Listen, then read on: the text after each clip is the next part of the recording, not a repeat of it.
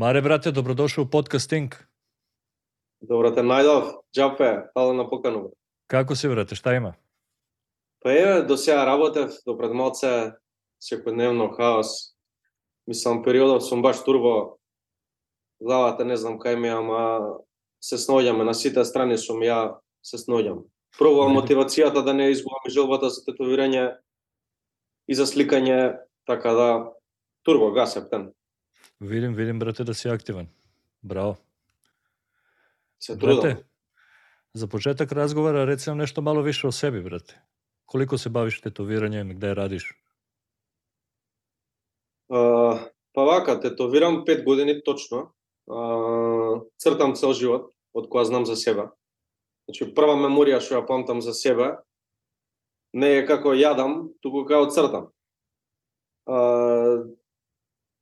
тетовирав во Nameless и у, у MG кај Горан Мичич и кај Блаже пред да го отворам моето студио Индиго што постои више две години.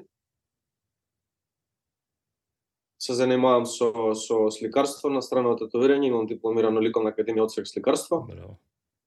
Сум правил се и свашта, значи буквално од ликовна уметност, што све немам пробано, вклучувајќи и графити, и цртежи, портрети, карикатури, што све немам правено. Така да, од секој аспект се. А шта те навело, брате, да кренеш да се бавиш тетовирање? Па некако тоа ја го гледам како исто да е, како тетовирање, сликање, графити, цртање, истиот пристап е само што у тетовирање не користиш четка и платно, туку имаш машинка и кожа. Цртам и таму, сликам и овде и на кожа, само што е, си дојде само по себе, непланирано. Мислам, ја пред да почнам да татовирам, а, не размислував многу за татовирање. А, зашто нов медиум, нов свет ми беше тоа, знаеш како е дека е тешко да добиеш apprenticeship многу е тешко некој да те научи да ти каже како треба и сосема ми изгледаше како нешто нереален свет, што е тешко да се влезе у тоа. И некако спонтано излезе, не знам, на, сакав да завршам прво ликовна академија, ама, ама испадна во втора година више која, која, која бев да да земам машинка да нарачам ме на тера другарите ми дадоа некој хајп ветер у грб што највише е битно која која некој не си сигурен на почеток, која не е која не е мислам знаев дека сакам, ама не бев сигурен дека можам и дека е правилно време. Така да тука настапија пријателите што да не бе они да не ми дада таков ветер у грб дека мораш да почнеш зашто а не нема од што да се плашиш. Може би ќе почнев а, пред година дена, но или може би немаш да почнам. Не знам дали го одговорив прашањето, не ми текна баш што беше, зашто баш тетовирање, тоа ли беше прашање? Да, да, шта те мотивисало, брате, да кренеш да се бавиш тетовирање? Како си кренал да се бавиш тетовирање? Па ме изгледаше привлечно како дури нереално како го постигнуваат тоа на кожи од кога почнав да од кога се запознав со тој медиум се повеќе и повеќе сватив како уствари функционира тоа и го гледав како нов предизвик што како и секој предизвик ти интересно и сакаш да го да да да пробаш да го да го совладаеш и да навлезеш у срцето него буквално. А, така да тоа после тоа се заљуби. На, на страна парите, значи не сум го гледал никогаш дека сега гледам дека младите се поише поише, сега ја не дека нешто старамо зборамо да видиш што почнуваат од ликовна академија или од средно уметничко кај нас што ќе завршат а, почнуваат да тетовираат само затоа што финансиски е стабилно и Така можеш да живееш од тоа. Така.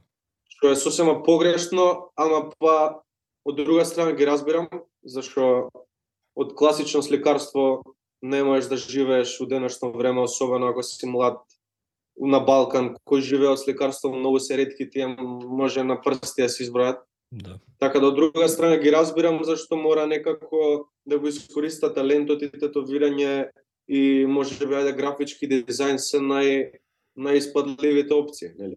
Ја не, не ми текно друго што е талентот, ако знаеш да црташ како да го искористиш освен тетовирање, зборам да живееш од него, освен тетовирање и графички дизајн.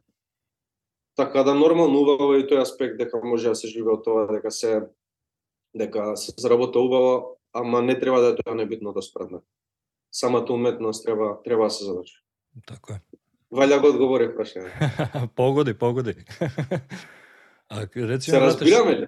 Да ја ја те разумем све брате, ја те све разумем. Добро. И брате Титловаќу свакако. Ке те направим да бидеш поголем србин од мене брате. Така? А реци ми, брате, шта ти е помогло највише да напредуваш у свом раду, с обзиром на ја споменал се си радио код Горана у студио, брате. Еј, па највише блаже Неймлес и Горан Мичич. Мислам да работиш со со такви колеги со толку искуство, толку сериозни артисти, нема мислам дека да сакав да да напишам по- подобро сценарио, немаше да да има. Така да кога си со нив можеш само само да напредуваш а, не само тоа, од геспотови многу се учи од колегите. Значи на секој геспот ја учам по нешто, не е тоа само технички аспект како да црташ или Да. како да татуираш, туку ќе видиш некој како ќе намести станица и од полош артист можеш да научиш нешто од него. Не мора да е Така. тоа а, цртањето, начинот на цртање или било што. Така да секојдневно учиме, секојдневно напредуваме, не само а, од близо контакт, туку и од пратам сцена, пратам се што е хит, се што е ин. А, учам и од моите колеги тука во него, нормално. Од секој може да се научи и секојдневно можеш да треба само да гледаш да си а, или или на исто ниво од преходниот ден, мислам дека или или на на на подобро. Точно, брате, точно. А доста значи, брате, каде имаш искусни колеги, брате, поред Нема себе, што- болја, значи. Да. Апренташип е она да имаш да си у сериозно студио со сериозни луѓе позади тебе со искусни нема подобро за почетник. Зашо ја на почеток првите 5-6 месеци пред да отидам у Немлес тетуирав дома и YouTube ми беше нај онака нај најдобар другар. Нешто никој ништо не ти кажува. И после од која стекнав моци искуство у право време у право место дое апренташипот у Немлес. Мислам почнав као резидент, ама одма се осеќа напредок, значи буквално одма. Ако отидеш у сериозно студио, тоа ти влијае подсвесно, многу те мотивира. Од секој аспект е добро, значи ја му посакувам тоа на секој почетник, многу полесен и побрз ќе му вида патот на на на напредок како тоа се брка. Мислам, зашто да не, си да го бркаме тоа, да видиме Така е. тоа. Така е. Скоро сам баш видео, брате, неки клип, веројатно може да се испратил и ти, брате, е, за, баш за apprenticeship, е, што е лик ставио на стори, као дали е, треба да се плати у фазону, дали треба да платиш томе ко, ко, Па- ко доđe, знаеш, да, да учи. И као 70% брате, фоловера му е одговорило као да, треба да се плати. Се Па замисли ја да ја мислам, доđem, не брате, Треба, брате. Треба да apprenticeship. тако е, тако е, замисли Треба да, да, заслужи не, не мене не не мења новца брате некој ако ми да оно пет е мало сум пребацил на српска несвест. А, не ми менува многу некој ако ми даја не знам 5000 евра лупам, а гледам дека тоа што ќе му го кажам ќе биде арогантен, ќе го земе здраво за готово, нема да го цени, тогаш зашто ку- кур ми се парите, не знам дали смее да се пцуе тук. Од друга страна, некој ако видам дека заслужил, дека го сака тоа исто како јас што го сакам, дури поише можеби би му би му кажал и би му дал се без проблем, без без без па и според мене не треба да се наплаќа apprenticeship, треба да заслужи тој што сака да го да го. Да, да, окей, тоа тоа стои, али мислим поента е била да да да, да ти треба да платиш njega. Jer je bila poenta kao i oni moraju da žive od nečega. Znači ja dođem brate sad kod tebe da da А učim да, brate разумем, i ti а платиш на на артист, на студио, така? i, ne kontra brate. Studio plaća njemu jer ja bi ga on kao uči i onda znaš kao mora od nečega da živi i kako da zaradi. brate. А, не разбрав, не разбрав. Добро, добро, да. Може би за да има джепарац, нешто такво. Така? Da, da, da, ali mislim brate Ама зашто me- да му се даваат пари? Зашто да пари? Мислам, он Да. ќе се зима тетоважички, нека тетовира. Ja Nema isto logike. nisam za, za to, Nema brate. pojma. Zamisli da ja dođem sad kažem, Mare, brate, hoću dođem bu- da budem kod tebe apprentice, brate, i da mi platiš. Ja da ti pođam. Nema poenta. Ne razumem. Nema poenta, brate. Da. Ja, ja razjasnih i druga strana, mislim, i drug, i drug odgovor ti dao, fama nema vrsta. Dobro. A, reci mi, brate, koji je tvoj omiljeni stil? Ja sam video, brate, radiš i black and grey, radiš color. Pa, uh, sve što je realizam, uh, sakam su kartun da mešam u posledno vreme, znači da je realizam su kartun u ista slika. Uh, forsiram color, znaš da дека to ако не го форсираш само по себе не ти доаѓа луѓето, особено во Македонија од 90% сакаат black and grey. Така. Така да се трудам периодов да е што поише колор, што поише ги форсирам да прават колор и што поише да се да имам влијание на дизајн на дизајнот што што се прави. Да пробам по секоја цена да го разубедам клиентот да биде нешто, да има нешто поуникатно и поубаво што го заслужува и он јас ќе бидам посреќен така и, и вин-вин ситуација. Јесте брат, наравно. А реци ми шта не волиш да тетовираш? Е, а, искрен да бидам, се што не е реализам, ама customer service сме и прифаќам се. Мислам, не ми се фаворит а, оние црните кругови. Да, да. Не ми е фаворит а, Polynesian Маори, тоа. Убаво е, секоја почит кон тоа, ама не би го правил со љубов како што како што би правил колореализам или нешто такво, знаеш. Избегавам малецките товажи ситни зашо ги пребацувам на другиот студио кај мене. Мислам, правиме се, да не се свадам погрешно и почитувам се, секоја татуажа, ама а, мислам дека најквалитетен а, си во, во нешто кога се фокусираш само кон една, некоја си на сите страни. Тоа мислам дека во секоја област, не само детовирање. Така да ја ако ако обожавам да правам се, тогаш ја нема да се фокусирам, не, не, нема да бидам сјаен во едно.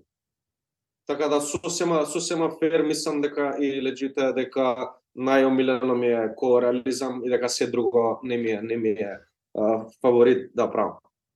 А реци ми, каква е ситуација, брате, у Македонија? Дали луѓе дали гледају где е ефтинije, брате, или су сконтали да квалитетната тетоважа кошта еден? Па не можам да го, да го одговорам тоа прашање, зашто не, не сум од страната на клиентот. А, мислам, ние фала Богу си имаме клиенти, сме сме задоволни. Ама дури тие што се почетници и тие што не толку квалитетно тетовираат, што не знам, може би не се не си го совршиле уште нивниот стил, имаат клиенти, значи се full set. Така да чим има тоа не значи луѓето валјда не гледаат да. гледаат цена и одат кај кај било кој Ама по друга страна баш го имам размислувано одговорот на ова прашање дека и мислам дека ќе се сложиш дека 70% од луѓето мислам дека не разликуваат добра и лоша татуаж. Добра и, и добра и медиум татуаж. Лоша нормално ќе разликува, тоа е страшна разлика. Ама зборам медиум квалитет и екстра квалитет 70% од луѓето не разликуваат. Тачно, верите. Втора работа, не секој заслужува добра тетоважа. Треба пристапот да му е многу фактори влијаат. Треба да си го разгледа артистот и да направи ресерч не само на не само на него, туку на шлопшто што е квалитетно. Зашто онако разгледа само од Македонија или не знам само од мало артисти нема да види што е стварно квалитетно, туку ќе одбере тие три четворица најквалитетен, но тој најквалитетен не значи дека е стварно добар. Така да и гледаат и не гледаат, не знам, нивно си ама нека прават подобар избор зашто стои за цел живот, мислам. Мора те питам, брате, која е можда најчудниот или најсмешниот тетоважа кој си урадио? Е, па не ма искрено многу. Ајде, што ми текнува сега, ќе го одвојам Хазбула. Тоа беше смешно и интересно. А, имам имам по по грб по леđа тетовирано на една девојка леп сојвар и сирење, како реченица. така да немам искрено многу луди идеи, зашто тоа што го работам е реализам претежно. Да, лудите идеи обично се умалецките да тетоважи. Мислам дека за ги носат, за не бидат толку приметли. Така да се надевам нешто ќе има уникатно, не уникатно, туку кечи и интересно во, во иднина за да вреди да се спомнам. Сега немам баш онака. Тоа се се нормални теми. А рецимо Не одиме по екстрема, тука не одат до екстрема баш онака. Као као Ден Јаковлев што работи тие безобразните што тоа е баш брате хардкор. нешто пример немам, но баш би сакал, мислам да имам некој да ми дое со такво татуажа врв. Јесте брате, тоа е ретко. Ја нисам имал никад брате прилику за такво Да. нешто како што си рекол као Јаковле што ради. Да, Мислам тоа Јаковлев баш баш форсира тоа, баш онака има има многу клиенти што идат кај него само ради тоа. Да. И топ. Може. А реци ми брате, шта ти шта ти представља највеќи изазов во овом послу? А, највеќе изазов да сам болј да, да сум да сум подобар од вчера. Мислам дека. Па што поише ќе навлезам од одговоров, ќе го ќе го збунам поише така да нека остане на тоа. Да си слажам подобар од преходната татуаж. Слажам се. Нема, брате. Зашто не можеш да рипаш скалила, не можам да речам сакам да сум најдобар на свет кога тоа треба треба време, треба искуство за тоа, треба километража. Така да степ бај степ едно една скала по една по една и вајда и да паднеш нема веза, ама тоа е. Реци ми шта мислиш? Дали е тешко брате најчи клиента кој ќе ти дати потпуну слободу за рад?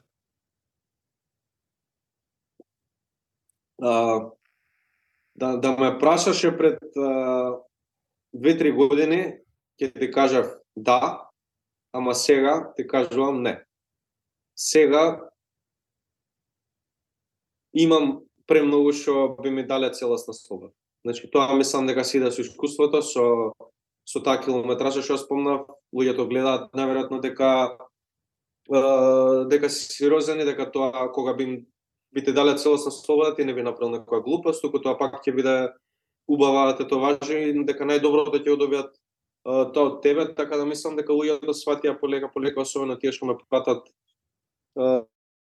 дека најдоброто го добиваат кога даваат целосна слобода. Така да има да. Брате, да. Кад напредуваш, брате, временом ти се чисти и клиентела, брате. Да, onda- се поише и поише веруваат од тебе. Тоа е само со искуство си доаѓа. Не може да се скипне тоа. А реци ми, брате, шта мислиш о друштвени мрежама, брате? Па, у која смисла? Па као дел посла, Бизнес брате. смисла, у која? Да, да, као, као дел посла, па генерално, брате. Па мене, а, мене ми помага, не можам да кажам дека е лошо, а, можам само да кажам дека многу ми одзема време. Да. И дека зна многу е тешко кога имаш бизнес, ај само да тетовирам ја да не се замарам за ништо друго. А, ќе ми биде лесно, ама се лутат луѓето кога нема да им вратам 2-3 дена. И онака прашалници, дури тргаат пораки, губиш клиенти. А, значи тој пристап на социјални мрежи малце е малце не, веру, не, не им се верува на луѓето сфери дека мислат дека што не сериозен и види го овој не враќа го боли кур. Па, а уствари стварно ми одзема време и знаеш што е која, која комуникација е да вратиш на клиент, па он да образложи што сака, па да чекаш да врати, па на кое место, па чека ова. Затоа најдобро а, сите скоро ги советувам последно време да дојат до студио на консултација и очи во очи да се направи да се разговара за дизајнот, а социјални мрежи од аспект а, за промоција се број еден, значи да не е Инстаграм, мислам дека ние нема да имаме работа, како да кажам, Facebook Така е, користи. Да не се социјални мрежи како ќе имаме работа. Мислам ќе имаме, ама не толку како сега. Ни помагаат социјалните мрежи премногу за да го испромовираме тоа што го правиме. И нормално и тетоважата е ходеча реклама, ама многу ми одзема време и пробувам да да се фокусирам на тетовирање толку, а не на пораки, нека си дојат уживо на консултација и тоа, тоа ќе се заврши секој што треба. Исто ја, исто ја, брате, што кажеш ти, великиот притисак, брате, и доста одузима време. Знаеш, ние само, брате, Да. да одговориш е, клиентима, ајде, Ние, окей, ние, тоа е една ствар. А друга ствар е, брате, постављање слика, па сад иде ово, брате, склапање клипова Да. да би то било интересантно, па лудница, брате. све, све, све. Многу одзема време. Јас, Па да си активен сториња, па да пратиш сцена, значи пратиш на Инстаграм сцена, така, да видиш што се прави, да те мотивира некој да те инспирира. Контакти, геспотови, така, така договараш. да, Значи да не е Инстаграм како ќе договориш геспот. Јесте, многу брат, све, потешко. све преку Инстаграма. Така иде. да Инстаграм е врв, ама само да, да, да се занемарат негативните работи, да не ти влијаат толку на, на приватниот живот, зашто и ние сепак имаме приватен живот. И треба и ние да наполниме батерии и да одмориме и да добиеме, да имаме време да добиеме инспирација и да бидеме сами со себе за да бидеме подобри наредниот ден. Да. А реци ми, брате, šta мислиш, дали е добра машиница пресудна за квалитетен рад? А, не. Исто као и молив добар да ни ја пресува. Као и со лош молив можеш да направиш добар цртеж. А, помага подобар молив или подобра машинка, ама добар артист и со лоша машинка и со лош молив ќе направи добар цртеж. Слажем се. А за да тој цртеж биде екстраординери, му треба квалитетна машинка или квалитетен молив. Така да, дали е пресудна, би рекол не, како и да е добро, се до артистот, секој може да се снајде. Со Слажем се секаква с- машинка може добар артист да се снајде не. А реци ми, брате, šta мислиш, кои су грешке клиената пред тетовирање? А, пред тетовирање, а, па пијат алкохол, а, а, имаат физички активности, а, имаат стрес, а, нездраво се хранат, Да. а, не се доволно наспани, не се одморени, доаѓаат со по два сати спиење, а, не не истражиле доволно добро што сакаат да стават, значи доаѓаат збунети или доаѓаш со идеја ја што сакам да правам, па ми даваш комплетна слобода или си а, сигурен на тоа што сакаш да оставиш. Има доаѓаат што не се сигурни, не знаат што сакаат. Не се спремиле значи пред термин. Тоа не не е убаво да го прават. Подобро откажи го терминот, а, мислам дека ако не си 90 ако си 90% сигурен дека сакаш да ставиш нешто, не ми одговара. Треба си 100% сигурен а, зашто ќе ја носиш цел живот, нели? Има луѓе што гајлема, ама тие што ги гледам дека се уплашени или дека не се сигурни подобро да иду. Тоа е пред тетовирање. Слажем се. Која не истражиле. Слажем се, брате. Да. А реци ми, šta ти лично не волиш да клиенти раде у твом студио, брате? У току тетовирање? Па да, брате, знаеш, обично галама или друштво. Па не, ве, а, друштво не ми смета ако ако се еден двајца. Ама ако се 10 души, ми смета. Ја не сум научен да работам у тишина и мир. Значи, кај нас у студио увек има минимум 5-6 души, зашто имаме три станице, имаме, имаме рецепционерка, увек има 5-6 души. Јас со клиенти, значи, не сум на... Ја кога тетовирам некату недела, ретко се дешава, ама кога тетовирам у недела и кога сум сам со клиентот ми е многу некако чудно и, и, и обично викам луѓе им зонам дојдеме пред, не сум научен Да, да. да бидам сам со клиентот. Ама тоа е валјда зашто геспотови, кај Мичич, у Nameless, цело време сум бил со луѓе, не сум не сум научен да бидам сам, така да не ми пречи кога клиентите се со друштво, само тоа да не е премногу претирано. Ам, ми пречи кога кога кога прават вака цело време, знаеш, кога гледаат до кај сме. Ова ми смета многу. Ми ми пречи кога бараат често пауза.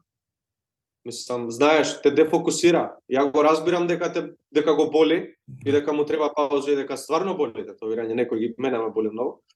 Ама треба ме разбери он мене дека ја губам фокус кога многу ми бара пауза. Многу често. Се јас сум се фокусирал на пауза и ја паѓам, бегам, ми треба време да се вратам у тој тој спит и фокус што сум бил. А, ми пречи а, кога мрдаат, нели? Кога ти мрда, треба да седи мирен, треба треба да биде културен. Ми пречи кога навлагам многу приватност. Значи, кога ми, ми, ми раскажува за негови приватни проблеми, а ја не сакам тие да ги знам. Да, Мислам. Не сме ние психијатри и психолози, ние Да. он дошол да се он дошол да се тетовира, не дошол на муавет. А, Не дошол на на лекување или на нешто искажување или психијатар психолог. Убаво е муавет, ама тоа да е се у граница, се да е културно, се да е на small talk, за да не изгубиме фокусот од играњето. На крајот денот ќе се ставам слушалки и галеме ако мисле дека сум некултурен и дрзок, зашо самите тие проблеми што ја кажуваат некогаш клиентите многу изморуваат психички и да.